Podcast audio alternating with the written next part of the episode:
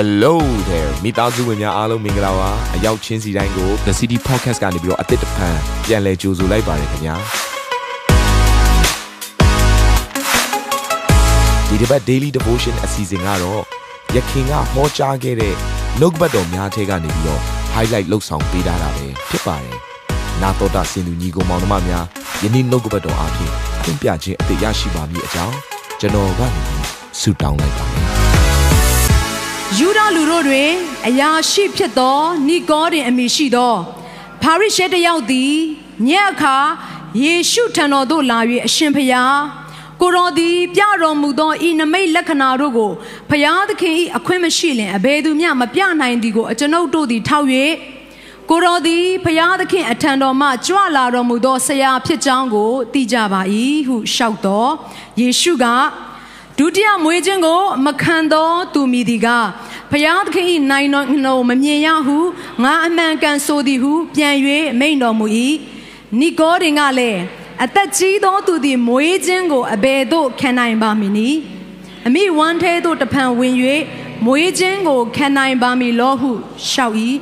ယေရှုကလည်းရေနှင့်ဝိညာဉ်တော်မမွေးသောသူမိသည်က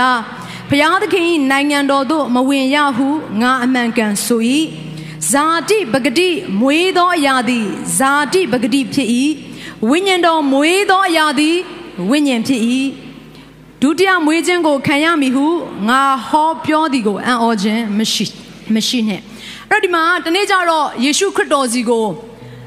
ဖာရိရှဲဖြစ်တဲ့နိကောဒင်ကလာတယ် အဲ့တော့လာတဲ့အကြောင်းအရင်းကိုပြန်ပြီးတော့ကြည့်လိုက်မယ်ဆိုရင်နိကောဒင်ကယေရှုခရစ်တော်ပြုခဲ့တဲ့နမိတ်လက္ခဏာတွေကိုသူကမြင်ပြီးတော့ဒီပုဂ္ဂိုလ်ဟာဖယားသခင်ရဲ့အခွင့်နဲ့နမိတ်လက္ခဏာတွေကိုပြုခွင့်ရတယ်ဆိုတဲ့အရာကိုနိကောဒင်ကသိတော့ယေရှုစီကိုလာတယ်အဲ့တော့လာတဲ့အချိန်ကဘယ်အချိန်လဲဆိုတော့လိုက်ပြပါအောင်ညအခါအဲ့တော့ညအခါလာတဲ့ခါမှာကျမတို့နော်တဒန်းစာသွားတတိယနေမှာနော်ညအခါဆိုပြီးရင်လာတာတာမဆိုကြနဲ့ဆိုကျင်တဲ့သူတွေရှိတယ်အဲ့တော့ညအခါလာတဲ့ ညအခါလာတယ်လို့ပြောတဲ့အခါမှာအော်ဒီလူကဟာညအခါလောက်မှတော့မနာမနေဖះကိုလာရှာတာပဲဆိုပြီးတော့ထင်သွားမှာဆိုလို့အမှန်တော့အဲ့လိုမဟုတ်ဘူးဖာရိရှဲလို့ပြောတဲ့အခါမှာယေရှုခရစ်တော်လက်ထက်မှာဖာရိရှဲတွေကယေရှုကိုတိတ်မုန်းကြတယ်ဖာရိရှဲတွေကယေရှုကိုစန့်ကျင်ကြတယ်အဲ့တော့ဒီဖာရိရှဲဖြစ်တဲ့နိကောဒင်ကထူးခြားတယ်လက်ပြောပေါင်ထူးခြားတယ် သူကဓမ္မဆရာပါတနည်းအားဖြင့်သူဟာကျမ်းစာကိုသင်ပေးတော်သူဖြစ်တယ်တရားဟောတော်သူဖြစ်တယ်လူတွေကိုဖျားဘသူဖြစ်တယ်လဲဆိုတဲ့အကြောင်းအရာကိုအသေးစိတ်သွန်သင်ပြသတဲ့သူဖြစ်တယ်ဒါပေမဲ့သွန်သင်ပြသတာချင်းအတူတူသူကနည်းနည်းလေးထူးခြားတယ်အဲ့တော့ကျွန်တော်တို့ဒီလောကထဲမှာနည်းနည်းလေးထူးခြားနေဖို့အတွက်အရေးကြီးတယ်ကာယပိုင်းဆိုင်မှာမထူးခြားရင်အောင်နေပါဝိညာဉ်ပိုင်းဆိုင်မှာနည်းနည်းလေးတော့သူတစ်ပါးတက်ဘုရားသခင်ကိုစိတ်ဝင်စားတတ်ဖို့အတွက်အရေးကြီးတယ်အဲ့တော့ဒီလူက ယေရှုခရစ်တော်အထဲထဲမှာဖြစ်ပျက်နေတဲ့အရာတွေကိုမြင်တဲ့အခါမှာ तू မနေနိုင်တော့ဘူးယေရှုစီကိုလာပြီးတော့ तू မေးခွန်းနဲ့မေးချင်တယ်အဲ့တော့ तू ဘယ်အချိန်လာလဲဆိုတော့ညအခါလာတယ်လာတဲ့အကြောင်းရင်းကသူ့ဂုံတိတ်ခါကြဆင်းသွားမှာဆိုလို့လူတွေက तू ယေရှုစီကိုလာတဲ့အခါမှာဓာတ်ရိုက်လာပြီးတော့တပြည့်ခံနေတဲ့ပုံစံနဲ့မေးမြန်းလို့ရှိရင်သူကကဲ့ရဲ့ခံရမှာကိုကြောက်တဲ့အတွက်ကြောင့်မလို့ညအခါကိုလာတာဖြစ်တယ်တခါတလေကျမတို့ကယေရှုစီကိုလာတဲ့အခါမှာတိတ်တဆိတ်နဲ့လာခြင်းကြတယ် ယေရှုစီမှာကျမတို့ကနော်တကယ့်ကိုယေရှုနဲ့ဆိုင်တဲ့အရာတွေကိုယုံကြည်လက်ခံဖို့ရန်အတွက်ယေရှုနဲ့ဆိုင်တဲ့ကယ်တင်ခြင်းကိုရယူဖို့ရန်အတွက်တိတ်တဆိတ်နဲ့လက်ခံခြင်းတဲ့သူတချို့ရှိတယ်ကျမပြောပြမယ်ယေရှုခရစ်တော်ကိုယုံကြည်လက်ခံခြင်းနဲ့ဆိုတိတ်တဆိတ်နဲ့မယုံကြည်ပါနဲ့ရဲရဲရင်ယုံကြည်ပါတချို့ချို့သောသူတွေကကျမကိုပြောကြတယ်တိတ်တဆိတ်နဲ့ယေရှုခရစ်တော်ကိုယုံကြည်လက်ခံလို့မရဘူးလားလို့ပြောကြတယ်။ဘာဖြစ်လို့လဲဆိုတော့ကျွန်တော်ကျမရဲ့နော်မိသားစုအတိုင်းဝိုင်းကတိသွားတယ်ဆိုကျွန်တော်ကျမကိုဝိုင်းပြီးတော့ပြောကြမှာပေါ့။ဒီနေ့ကျမပြောပြမယ် ဖယားသခင်ကိုချစ်ပြီးတော့အဲ့ဒီဖယားပေးတဲ့ကေတင်ခြင်းကိုယူပြီးတော့အဲ့ယေရှုဖယားဟာအကျွန်ုပ်ရဲ့ဖယားဖြစ်ပါတယ်လို့ပြောမှရှက်စရာမဟုတ်ဘူးဂုဏ်ယူစရာဖြစ်တယ်အာမင်ကျမတို့ရဲ့ယုံကြည်ခြင်းဟာတကယ်စစ်မှန်နေတယ်ဆိုလို့ရှိရင်ဖယားသခင်ကိုကိုးကွယ်တဲ့အရာယေရှုနောက်ကိုလိုက်တဲ့အရာဟာပေါ်ပေါ်ထင်ထင်နဲ့လိုက်ရဲဖွင့်တဲ့ဘုရားသခင်အလိုတော်ရှိတယ်အကယ်၍သင်ဟာယေရှုခရစ်တော်ကိုတိတ်တဆိတ်ကိုးကွယ်နေတဲ့သူဖြစ်တယ်ဆိုရင်ဒီနေ့မှာသင်ရဲ့ယုံကြည်ခြင်းကိုတတ်သိထူရဲဖွင့်တယ်ကျွန်မအားပေးခြင်းတယ် အာမင်ယေရှုခရစ်တော်ဘုရားခင်ကတင့်အတွက်တင့်ရဲ့အပြစ်ကြွေးအားလုံးအတွက်ပေးဆက်ဖွင့်တဲ့ပြင်ဆင်တဲ့အခါမှာလဝါကတိုင်ပေါ်မှာအရှက်အကြောင်းမရှိတိတ်ခါအားလုံးကိုအချခံပြီးတော့တင့်အတွက်အသေးခံပေးသွားတဲ့ဘုရားရှင်ဖြစ်တယ်အာမင်ဒါကြောင့်မို့ဒီနေ့ယေရှုနောက်ကိုလိုက်ပြီဆိုလို့ရှိရင်ရဲရဲရင်ရင်ပြပြသားသားနဲ့လိုက်တော့ဖို့နဲ့အရေးကြီးပါတယ်အဲ့တော့တချို့ချို့သောသူတွေကအလုတ်ထဲမှာရှိတဲ့အခါမှာသင်ခရစ်ယာန်လားလို့မေးမဖြေချင်ကြဘူး ဟာကျွန်တော်ခရစ်ယာန်ဖြစ်ပါတယ်လို့ပြောပြီးတော့တနင်္ဂနွေနေ့မှာအလုပ်လုပ်နေတော့မပြောရဲကြဘူး။အော်ကျွန်တော်ခရစ်ယာန်ဖြစ်ပါတယ်ဆိုတဲ့အရာမဝန်ခံရဲကြအောင်။ဒီနေ့သင်ယုံကြည်သူဖြစ်တယ်ဆိုတဲ့အရာကိုရဲရဲရင့်နဲ့ဝန်ခံရဲဖို့အတွက်ဒီနေ့နှုတ်ကပတ်တော်သင်ကိုတိုက်ရိုက်ပြောနေတဲ့စကားဖြစ်ပါတယ်။အဲ့တော့ကြည့်တဲ့အခါမှာယေရှုစီကိုသူလာတယ်ယေရှုကိုသူမေးတယ်ကိုတော်ဖျားခမည်းတော်ရဲ့အခွင့်နဲ့အရှင်ဖျားဟာနမိတ်လက္ခဏာတွေကိုပြုတယ်ဆိုတာ तू သိပါတယ်တဲ့။အဲ့တော့ဒီမှာစကလုံးလေးတစ်လုံးရှိတယ်သိတယ်သူ ကဖျားနဲ့ပတ်သက်လာရင်သိတယ်ဒါပေမဲ့ဖျားနဲ့ပတ်သက်လာရင်မယုံကြည်နိုင်သေးတဲ့သူတယောက်ဖြစ်တယ်ဖျားစီကိုလာရင်အတိနဲ့လာလို့မရဘူးယုံကြည်ခြင်းနဲ့လာရတာဖြစ်တယ်တချို့တချို့သောသူကဖျားကိုဟိုငငယ်တွေကသိတယ်အမေအမေမိတ်ဆက်ပေးတာလို့တချို့တချို့သောသူတွေကဖျားကိုသိတယ်တငယ်ချင်းပြောတာကြားဘူးလို့တချို့တချို့သောသူတွေကအဲ့ဒီဖျားနဲ့ပတ်သက်လာလို့ရှင်ဟာတကယ်ကိုသူကအဖြေတွေရဘူးတယ် အော်ဖះကိုသိတယ်ဖះကအဖြေပေးထားတယ်ဆိုတဲ့အရာကိုဖះအသက်ရှင်ကြောင်းကိုသိတယ်ဒါပေမဲ့အဲ့ဒီသိယုံနဲ့မလုံလောက်ဘူးယုံကြည်သူများမိတ်ဆွေများနောက်တစ်တစ်ဆင့်ကိုတက်လန်းပွင့်အတွက်အရေးကြီးတယ်အဲ့ဖះကအသက်ရှင်တယ်ယေရှုကအသက်ရှင်တယ်ဆိုတဲ့အရာကိုသိပြီးရတယ်မကဘဲနဲ့ယုံကြည်လက်ခံရဲတဲ့အဆင့်ထိကိုးကွယ်ရဲတဲ့အဆင့်ထိတက်လန်းပွင့်အတွက်ဘုရားခင်ကအလိုတော်ရှိတယ်ဒါနဲ့ယေရှုခရစ်တော်ကသူ့ကိုဗာပြန်ပြောလဲဆိုတော့လိုက်ပြောပါအောင်ယေရှုကဒုတိယမွေးခြင်းကို မခံသောသူမိဒီကဘုရားသခင်နိုင်ငံတော်ကိုမမြင်ရအဲ့တော့ဒုတိယမွေးခြင်းလို့ပြောတဲ့အခါမှာကျမတို့ဒီထဲမှာတချို့တချို့တော့အခုမှစတင်ပြီးတော့ယေရှုခရစ်တော်ကိုမီးစမ်းနေတဲ့သူတွေရှိတဲ့အခါမှာဒါလေးကိုရှင်းပြခြင်းတယ်ဒုတိယမွေးခြင်းလို့ပြောတဲ့အခါမှာအမေဘိုက်ထဲကိုပြန်ဝင်ပြီးတော့ပြန်ထွက်လာတဲ့အရာကိုပြောနေတာမဟုတ်ဘူးအဲ့တော့ယေရှုကဘာပြောလဲဆိုတော့ဒုတိယမွေးခြင်းနဲ့ဆိုင်တဲ့အရာကိုနားလည်နိုင်ဖို့အတွက်လိုက်ပြောပါအောင်ယေနဲ့ဝိညာဉ်တော်မမွေးသောသူမိဒီက ပြန်ပြောပါအောင်ယေနဲ့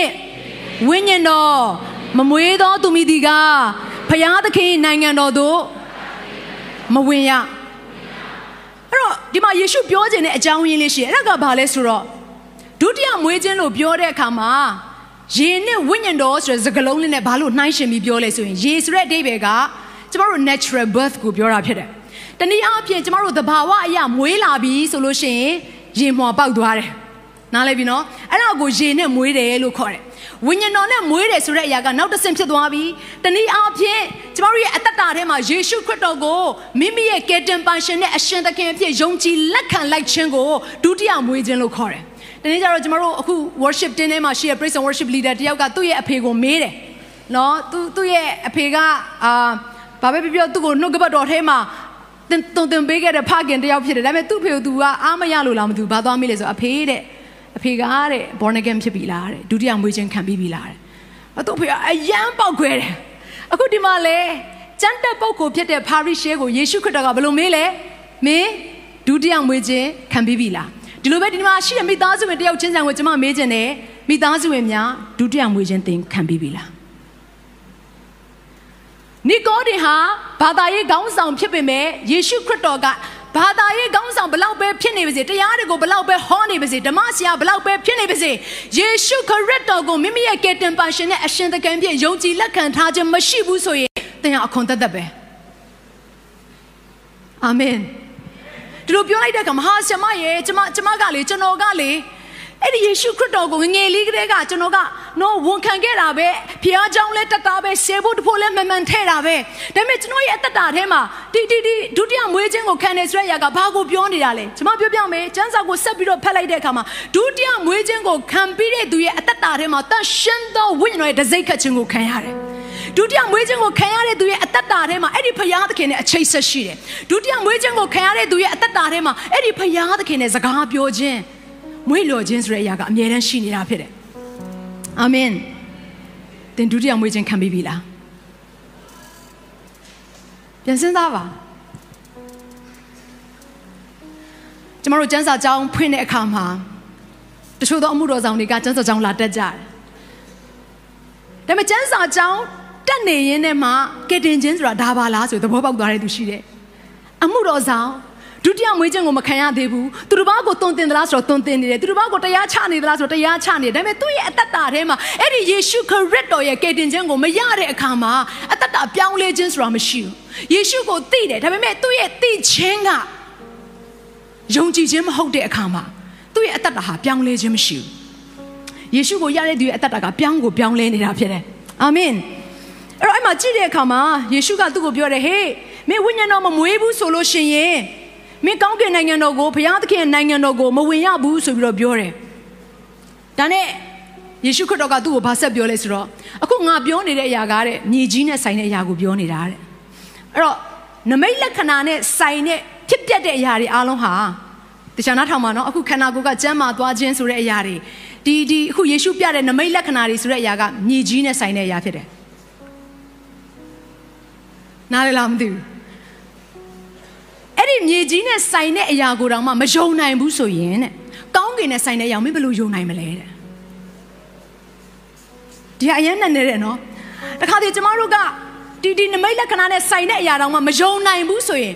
ဒီဝိညာဉ်နေပင်နဲ့ဆိုင်တဲ့အရာမမြင်ရတဲ့နေပင်နဲ့ဆိုင်တဲ့အရာကိုဒီနေ့ဘုရားသခင်ကတင့်ကိုမြင်စေမယ်ပြောပြမယ်ဆိုသင်ဘယ်လိုလုပ်ယုံနိုင်မလဲဆိုပါစို့တချို့တချို့သောသူတွေက born again ဖြစ်လာတဲ့အခါမှာတန်ရှင်သောဝိညာဉ်ရဲ့ဖြည့်ခြင်းကိုခံရတဲ့အခါမှာအခြားသောဘာသာစကားရတဲ့သူတွေရှိတယ်။ဝိညာဉ်စုကျေးဇူးတွေနဲ့နတ်ဆိုးကိုနင်ထုတ်နိုင်တဲ့ຢာတွေဆိုတာရှိတယ်။ဟာတခါတည်းဘုရားရဲ့တကိုးတော်နဲ့အိုတကယ်ကိုမကြမ်းမာသောသူတွေပေါ်မှာဆွတောင်းတဲ့အခါမှာကျမ်းမာခြင်းတကိုးတော်စီးထွက်သွားတယ်ဆိုတဲ့အရာတွေရှိတယ်။အဲ့ဒီမြေကြီးနဲ့ဆိုင်တဲ့အရာကိုတော့မယုံနိုင်ဘူးဆိုရင်သာရကာလနဲ့ဆိုင်တဲ့အရာကိုတင့်ကိုပြောပြရင်သင်ယုံနိုင်မယ်ထင်သလား။ အဲ့ဒီအရာတွေကမြေကြီးနဲ့ဆိုင်တဲ့သေးသေးမွားမွားအရာလေးတွေပဲရှိသေးတယ်ဒီထက်ကြီးမားတဲ့အရာကိုဘုရားကပြောပြခြင်းတယ်ဒါကြောင့်နိကောဒင်ကိုယေရှုကဘာပြောတယ်လဲဆိုရင်ကျွန်မဒါကိုသိသဘောကျတယ်ငါကကောင်းကင်ကဆင်းလာတာတဲ့ငါကကောင်းကင်ကဆင်းလာငါသိတဲ့အရာကိုငါပြောမယ်အခုမင်းကတရားဟောဆရာမင်းကဓမ္မဆရာမင်းဓမ္မဆရာဖြစ်ပြီးတော့မှ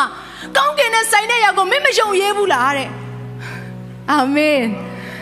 အဲ့တော့ဒီနေ့ကျမတို့ဒါစိတ်ဝင်စားစရာကောင်းတယ်နော် တင်မတင်ဘယ်ဘာသာကြီးရဲ့ခေါင်းဆောင်ပဲဖြစ်နေပါစေယေရှုခရစ်တော်ပြုတဲ့ကြီးမြတ်သောလွတ်ချင်းချမ်းသာနဲ့ဆိုင်တဲ့အရာကိုသင်မယုံသေးဘူးဆိုရင်သင်ဘုရားကိုသိတဲ့အဆင့်ပဲရှိရဘုရားကိုယုံတဲ့အဆင့်မရှိသေးဘူးသင် born again မဖြစ်သေးဘူးနမိတ်လက္ခဏာနဲ့ဆိုင်တဲ့အရာကိုသင်မယုံနိုင်သေးဘူးဆိုလို့ရှိရင်ထာဝရနဲ့ဆိုင်တဲ့အရာကိုသင်ယုံနိုင်မှာမဟုတ်ဘူးဒီလောကနဲ့ဆိုင်တဲ့ဘုရားသခင်ရဲ့ပြုပြင်ပြောင်းလဲခြင်းတွေကိုသင်မယုံနိုင်သေးဘူးဆိုရင်ကောင်းကင်နိုင်ငံတော်နဲ့ဆိုင်တဲ့အရာကိုသင်ယုံနိုင်မှာမဟုတ်ဘူးအာမင်ဒါကြောင့်ယုံကြည်သူများ သင် born again ဖြစ်ပြီလားဖခင်ကိုဘယ်အတိုင်းတာအထိပဲသင်သိနေတယ်လေဒီနေ့ဖခင်ကသူ့ကိုသိနေရတယ်သူ့ကိုယုံတဲ့အရာကိုလိုချင်တယ်ဒီနှလုံးသားထဲမှာဖခင်နဲ့ပတ်သက်လာလို့ရှင် no questions လုံးဝမေကုံမရှိတဲ့အဆင့်ဒီနေ့ဖခင်သခင်ကိုနှလုံးသားထဲမှာယုံကြည်လက်ခံတဲ့သူတယောက်ဖခင်သခင်တင့်ကိုဖြစ်စေခြင်းတ ဒီအစီအစဉ်လေးအပြင်တင်းရဲ့အသက်တာမှာကောင်းကြီးဖြစ်မယ်ဆိုတာကိုကျွန်တော်ယုံကြည်ပါတယ်ဗီဒီယိုကြည့်ပြီးခံယူလို့ဒီများအတွက်အပတ်စဉ်တရားဟောခြင်းများ Bible Study ကြီးမွန်ကိုးကွယ်ခြင်းနဲ့အခြားသောအကြောင်းအရာတွေဟာတင်းအတွက်အဆင်ပြေရှိနေပါတယ် YouTube မှာ The City Space TV လို့ရိုက်ထည့်လိုက်တဲ့အခါကျွန်တော်တို့ကိုတွေ့ရှိမှာဖြစ်ပါတယ် Subscribe လုပ်ခြင်းအပြင်တင်းနဲ့ထက်ချက်မကွာအမြင်ရှိနေပါပါဒါအပြင် Facebook မှာလည်း The City ရန်ကုန်လို့ရိုက်ထည့်လိုက်တဲ့အခါတည်င်းအချက်အလက်နဲ့ poster တွေကိုအချိန်နဲ့တပြေးညီတွေ့ရှိအောင်မှာဖြစ်ပါတယ်ခင်ဗျာ The City Podcast ကိုနားထောင်ကြတိုင်းဖျားသခင်ရဲ့ထူကြသောဖွင့်ပြချက်နဲ့ကောင်းကြီးမင်္ဂလာများခံစားမိကြောင်းကျွန်တော်ဆုတောင်းရင်ဒီ season လေးကိုဒီမှာပဲညံ့နာပါရစေခင်ဗျာ